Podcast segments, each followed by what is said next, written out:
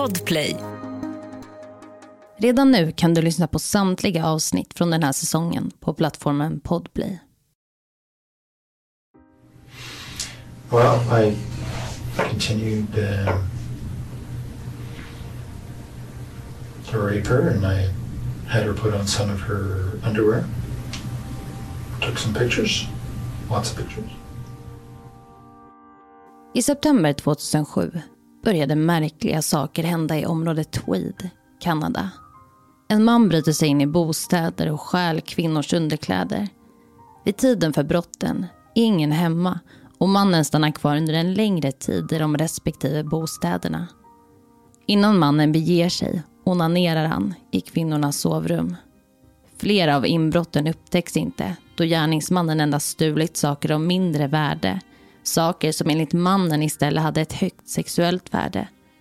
Med tiden skulle gärningsmannen bli modigare och slutligen skulle han mörda.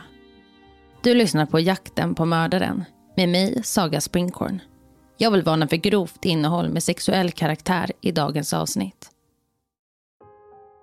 I januari 2009 kommer en familj hem efter en semesterresa. Tonårsflickan i familjen går upp till övervåningen, till sitt rum. Men plötsligt kommer hon nedspringandes för trappen. Hon ropar till sina föräldrar och säger att hennes underkläder är stulna. Föräldrarna skrattar. De tänker att underkläderna säkert ligger utspritt i rummet, i garderoben, byrån eller under sängen. Ett vanligt tonårsslarv. Men när de undersöker saken närmre inser de att en röd klänning tillhörandes dottern försvunnit. Ett par klackskor, alla hennes badkläder och alla underkläder. Det är också fotografier från familjens fotoalbum som försvunnit. Men det är endast fotografier på tonårsdottern som plockats ut från albumet. Polisen kontaktas och mycket riktigt pekar allt mot att någon varit i bostaden. När poliserna undersöker brottsplatsen närmre finner de också något som sticker ut. De hittar sperma vid tonårsdotterns byrå. I samma byrå som underkläderna legat i. Någon hade ställt sig vid byrån och onanerat. Mannen som gjorde inbrott hade ett sexuellt begär. Ett begär som till en början gick att släcka med hjälp av inbrotten och dess handlingar i samband med dessa inbrott. Men med tiden skulle det behövas mer, betydligt mer, för att släcka det där begäret. Mannen som utförde inbrotten och stölderna hette Russell Williams, 44 år gammal. Russell var en överste inom Kanadas flygvapen. Han beundrades för sin framgångsrika karriär inom militären. Han var ansiktet utåt för den militära flygbasen CFB i Kanada. Ett ärofyllt uppdrag. Han syntes ofta i media, uppklädd i militärkostym. Russell hade gjort en spikrak karriär inom flygvapnet och hade ett mycket högt anseende. Men ingen hade kunnat ana vad Russell gjorde bakom stängda dörrar. Russell och hans fru Mary hade köpt en stuga i området Tweed, Kanada. Stugan låg nära Russells dåvarande arbete och var en förutsättning för att han skulle kunna arbeta vid den aktuella militärbasen. Att pendla från Ottawa hade tagit för många timmar. Tidigare hade han bott just i Ottawa med Mary men nu bodde Mary där ensam och Russell i stugan i Tweed. De hade ett distansförhållande och sågs oftast på helgerna. Russell som bodde ensam i stugan hade mycket tid för sig själv. Stugan låg i ett idylliskt område nära till vatten och skog. Området betraktades som tryggt och många av de som bodde där låste inte sina dörrar. Det är runt 2007 som Russell börjar göra inbrott i Tweed Russell bevakar sina offer på håll för att sedan slå till. När ingen är hemma tar han sig in i bostäder. I många fall var det ingen som märkte att det hade varit inbrott. För vem hade kunnat tro att någon gjort inbrott endast för att stjäla underkläder? Några av inbrotten hamnade dock på polisens bord. DNA som hittades på några av platserna matchade inte med något i databasen. Ja, jag tänker att innan vi går vidare så ska ni få lära känna Russell lite mer ingående. Han föddes i England men flyttade ganska snart till Kanada med sin familj. Hans pappa arbetade med kärnreaktorer och tog sig an en mängd olika uppdrag runt om i världen. Russell hade under sin uppväxt väldigt många vänner och var ledare i ett gäng om sex kompisar. Han styrde upp fester och hittade på saker som de alla kunde göra tillsammans. Och han har också beskrivits som en pranker. Alltså han kom på väldigt många galna hyss som kompisarna och han utförde tillsammans. Med tiden så började Russell studera på college. Han tog examen efter fyra års studier i bland annat ekonomi. Men där hände något. Russell fantiserade om att bli pilot. En fantasi som hans kompisar hade lite svårt att förstå. Hur kunde Russell efter fyra års studier, redo för arbetslivet, tänka på att utbilda sig till något annat? Russell hade haft en kärleksrelation under sin collegetid. Men relationen hade abrupt tagit slut och det här uppbrottet hade tagit väldigt hårt på Russell. Kanske var det det som fick honom att vilja byta bana helt och hållet. Och snart blev den där fantasin verklighet. Russell blev pilot inom militären och därifrån gick karriären strålande. Efter några år så träffade Russell Mary. De blev förälskade och gifte sig den 1 juni 1991. Russell och Mary de golfade mycket tillsammans. De gillade det aktiva livet. Förhållandet har av Russells och Marys närstående beskrivits som kärleksfullt och välfungerande. Vi går vidare. Utåt sett var Russell den perfekta kollegan, vännen och maken. Men Russell är ett typexempel på en gärningsman vars brottsliga handlingar eskalerar med tiden. Han har i medierna kallats en vandrande Jacqueline Hyde. Under dagen är han befälhavare för den största flygvapenbasen i Kanada. På natten ett sexuellt rovdjur. Russell planerade sina brott. Han gjorde inbrott i både Ottawa, där främst frun Mary bodde, men också i Tweed, där han hade stugan för sig själv. Hans dagliga joggingturer var i själva verket ett sätt för honom att spana och planera sitt nästa drag. Russell gjorde inbrott hos grannar och bekanta och det de drabbade inte visste var att Russell ibland stannade länge i deras hem. Han kunde stanna där i flera timmar. Han arrangerade kvinnornas underkläder och tog också på sig några av deras tillhörigheter. Han tog på sig underkläderna i hemmen och fotograferade sig själv. Det var inte ett lekfullt nöje. Det var på högsta allvar. På bilderna ser man Russell som står i olika positioner på fotografierna. Han tittar allvarsamt in i kameran. Om du vill se några av de här fotona så kan du gå in på min Instagram, Saga Springhorn och trycka på storyn Jakten på mördaren.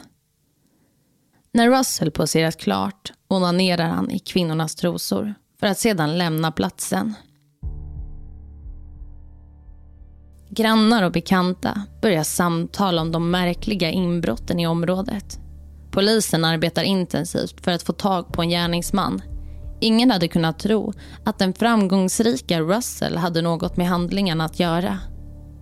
Året är nu 2008 och polisen har fortfarande ingen misstänkt. Man sätter span på Wilkie Drive i närheten av Russells och Marys gemensamma hem. Gärningsmannen hade blivit mer oförsiktig och modig. Russell lämnade fler spår på platserna och han hade vid ett tillfälle skrivit ett tackmeddelande till en av tonårsflickorna vars hem han besökt utan hennes vetskap. Han hade skrivit ett meddelande på flickans dator och sedan låtit datorn stå öppen i väntan på att flickan skulle komma hem. Russell och frun Mary umgicks till och från med sina grannar. Det grannparet inte visste var att Russell hade varit där när ingen av dem varit hemma han hade vid ett flertal tillfällen brutit sig in i parets hus och stulit grannfruns trosor och bhar. Polisen har i efterhand hittat 48 kvinnliga underklädesdelar hemma hos Russell.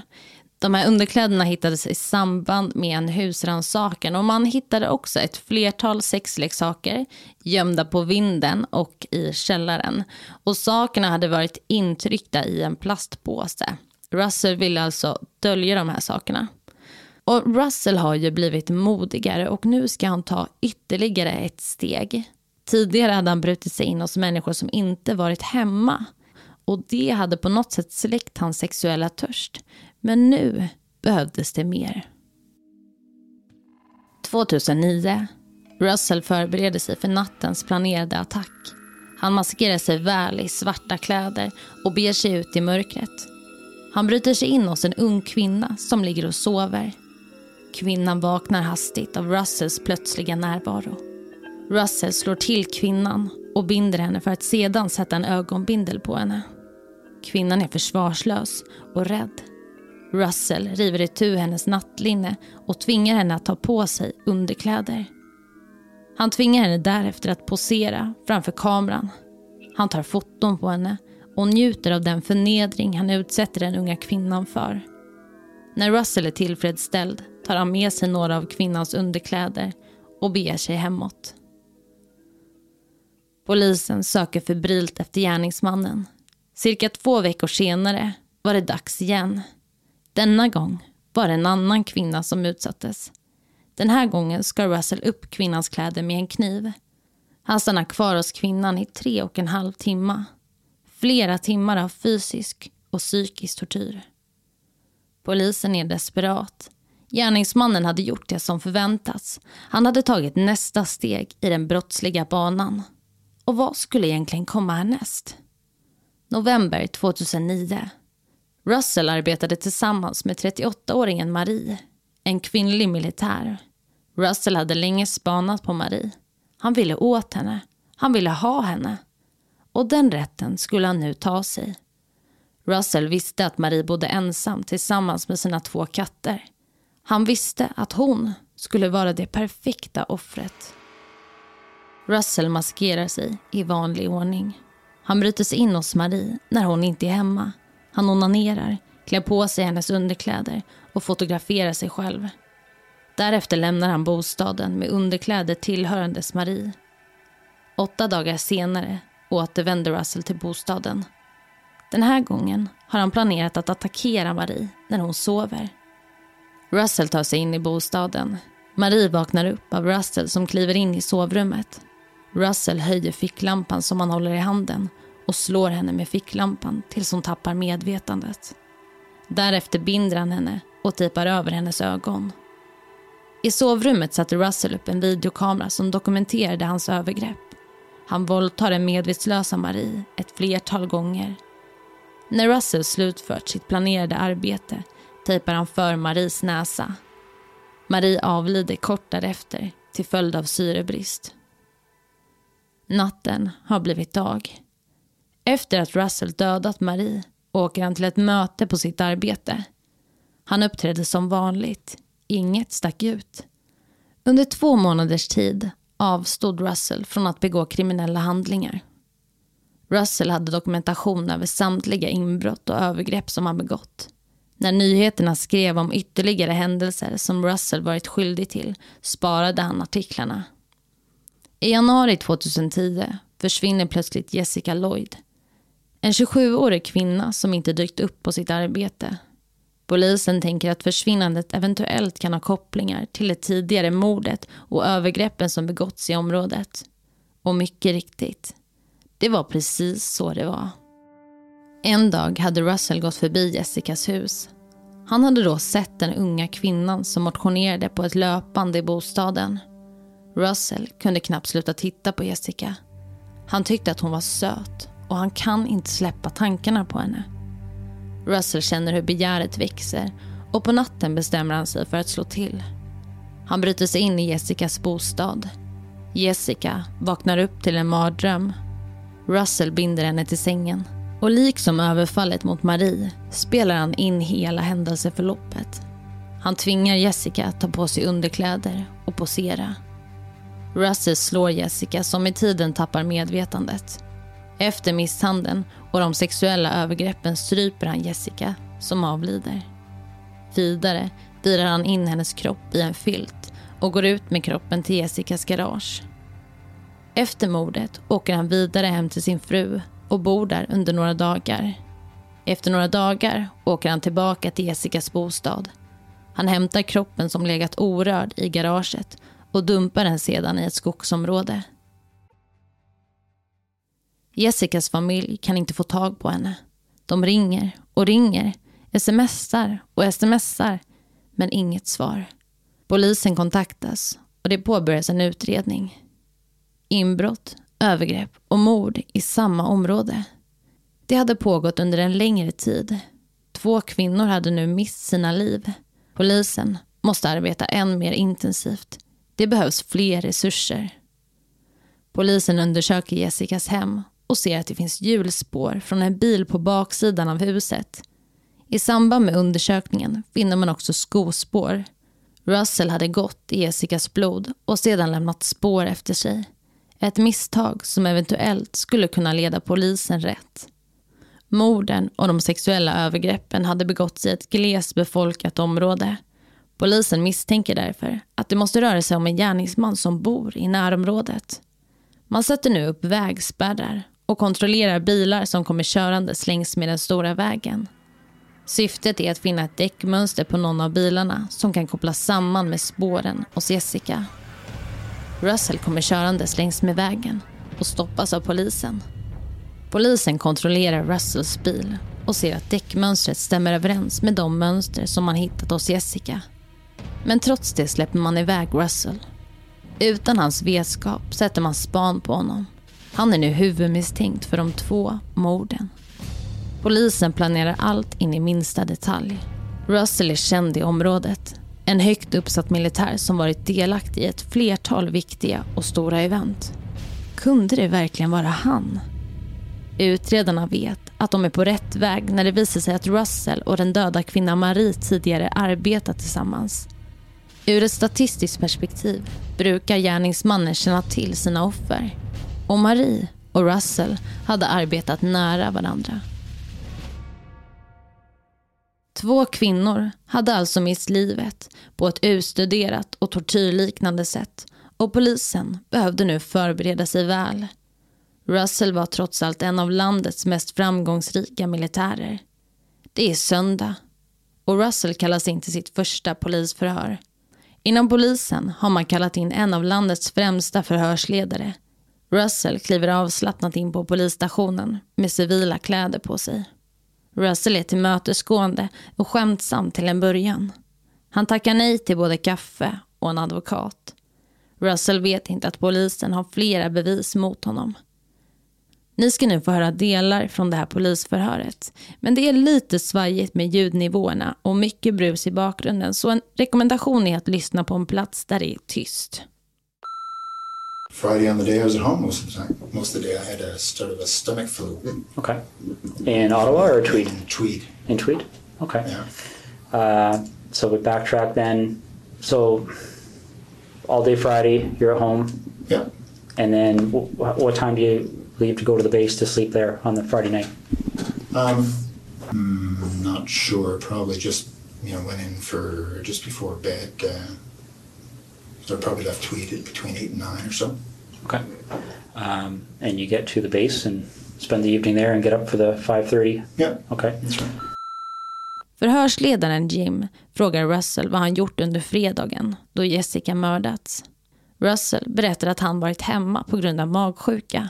Han är till en början självsäker och säger till Jim att han kan kalla honom för Russ. Vi fortsätter att lyssna till polisförhöret. Your vehicle drove up the side of Jessica Lloyd's house. Your boots walked to the back of Jessica Lloyd's house on the evening of the 28th and 29th of January. Okay, you want discretion. We need to have some honesty, okay? Because this is this is getting out of control really fast, Russell. Okay, really, really fast. Hmm.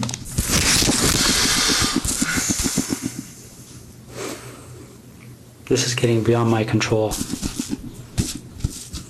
All right, I came in here a few hours ago and I called you the way I called you today because I wanted to give you the benefit of the doubt. Mm-hmm. But you and I both know you were at Jessica Lloyd's house, and I need to know why.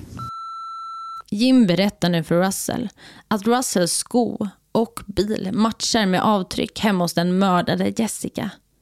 Russell ser besvärad ut och nickar oroligt.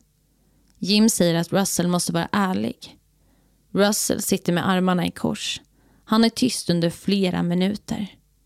När Russell börjar prata igen säger han att han är orolig. Vad ska hända med hans fru? Han tittar ner i papperna på bordet. Där ligger foton på de matchade avtrycken. Polisförhöret fortsätter. Vi start by telling the truth. Okay. Okay. Um, is she close to where she lives? I've got maps of that general area. In this block here. Okay. So you're pointing to. a detailed map of that area and I'll show you where she is. Okay. Is she close to a road? Yep. How long has she been there for? A little over a week. Efter ett tag berättar Russell var han placerat Jessicas kropp. Han har med det sagt erkänt att han är inblandad i mordet. Vi lyssnar återigen på polisförhöret. So I watched for a little bit to see if she was alone. Okay. So you go in. She's sleeping. And what do you do? Well, I, I snuck up to the side of her bed. She woke up, but she did as I said. What did you say? Lie down on your tummy. Okay. She did. I tied her up. So she's on her stomach. How are you tying her up? Just tying her hands behind her back. Okay. You tie her hands behind her back, and then then what happens? I took her clothes off And then what happened? I raped her. A rape could mean a lot of different things. Uh, what kind of sexual act took place? Vaginal and oral. Oral. Who was performing the oral sex? Me on her and her on me. Okay. Then I raped her, and then later on I made her perform oral sex on me. Well, I threatened her before she, uh, before I had her perform oral sex. Well, I put a zip tie around her neck. Well, I continued um to rape her, and I had her put on some of her underwear. Took some pictures, lots of pictures.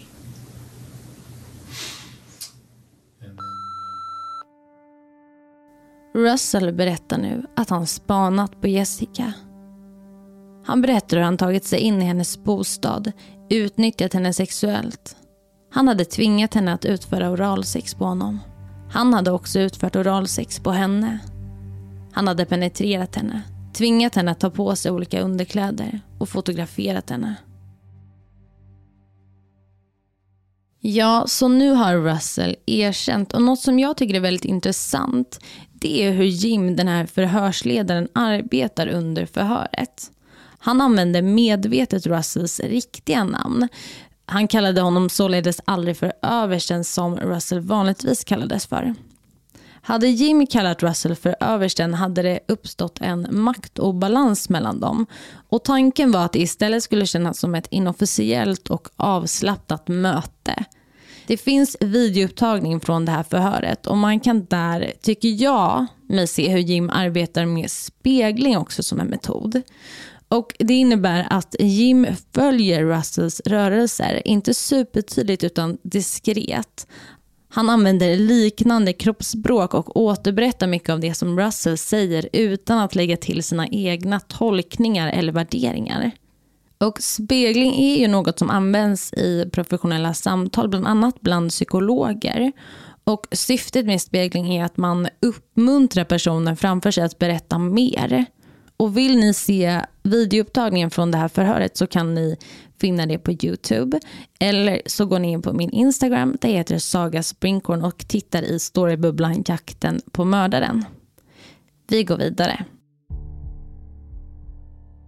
Under förhöret har utredarna omhändertagit Russells bil. Man har också genomfört en husrannsakan hemma hos Russell. Förhörsledaren Jim frågar Russell följande. Om vi inte hade fått upp dig på vår radar, tror du att det hade hänt igen? Russell svarar. Jag hoppas inte, men jag kan inte svara på den frågan. Under rättegången förklarar sig Russell skyldig till alla åtalspunkter. Han döms till två livstidsstraff. Det man konstaterar är att Russell har en sexuell avvikelse. Parafili.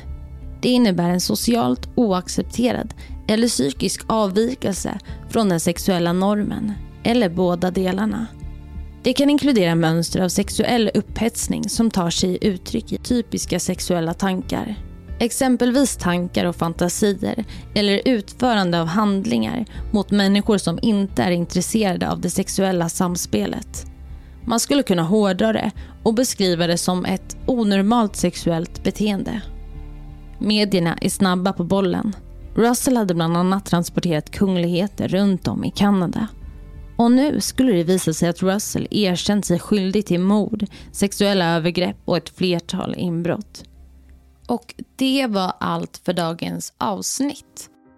Om du vill tipsa om ett fall eller komma i kontakt med mig så kan du skriva till mig på Instagram där jag heter Saga Springkorn eller mejla till jaktenpamordaren springkorn.se. I nästa vecka kommer jag berätta om Jennifer Pan, en flicka som ville hämnas gentemot sina föräldrar. Och om du inte orkar vänta till nästa vecka så kan du lyssna på det här avsnittet redan nu på plattformen Podplay. Och där finns alla avsnitt från säsongen publicerade redan nu. Tack för att du har lyssnat på dagens avsnitt. Podplay, en del av Power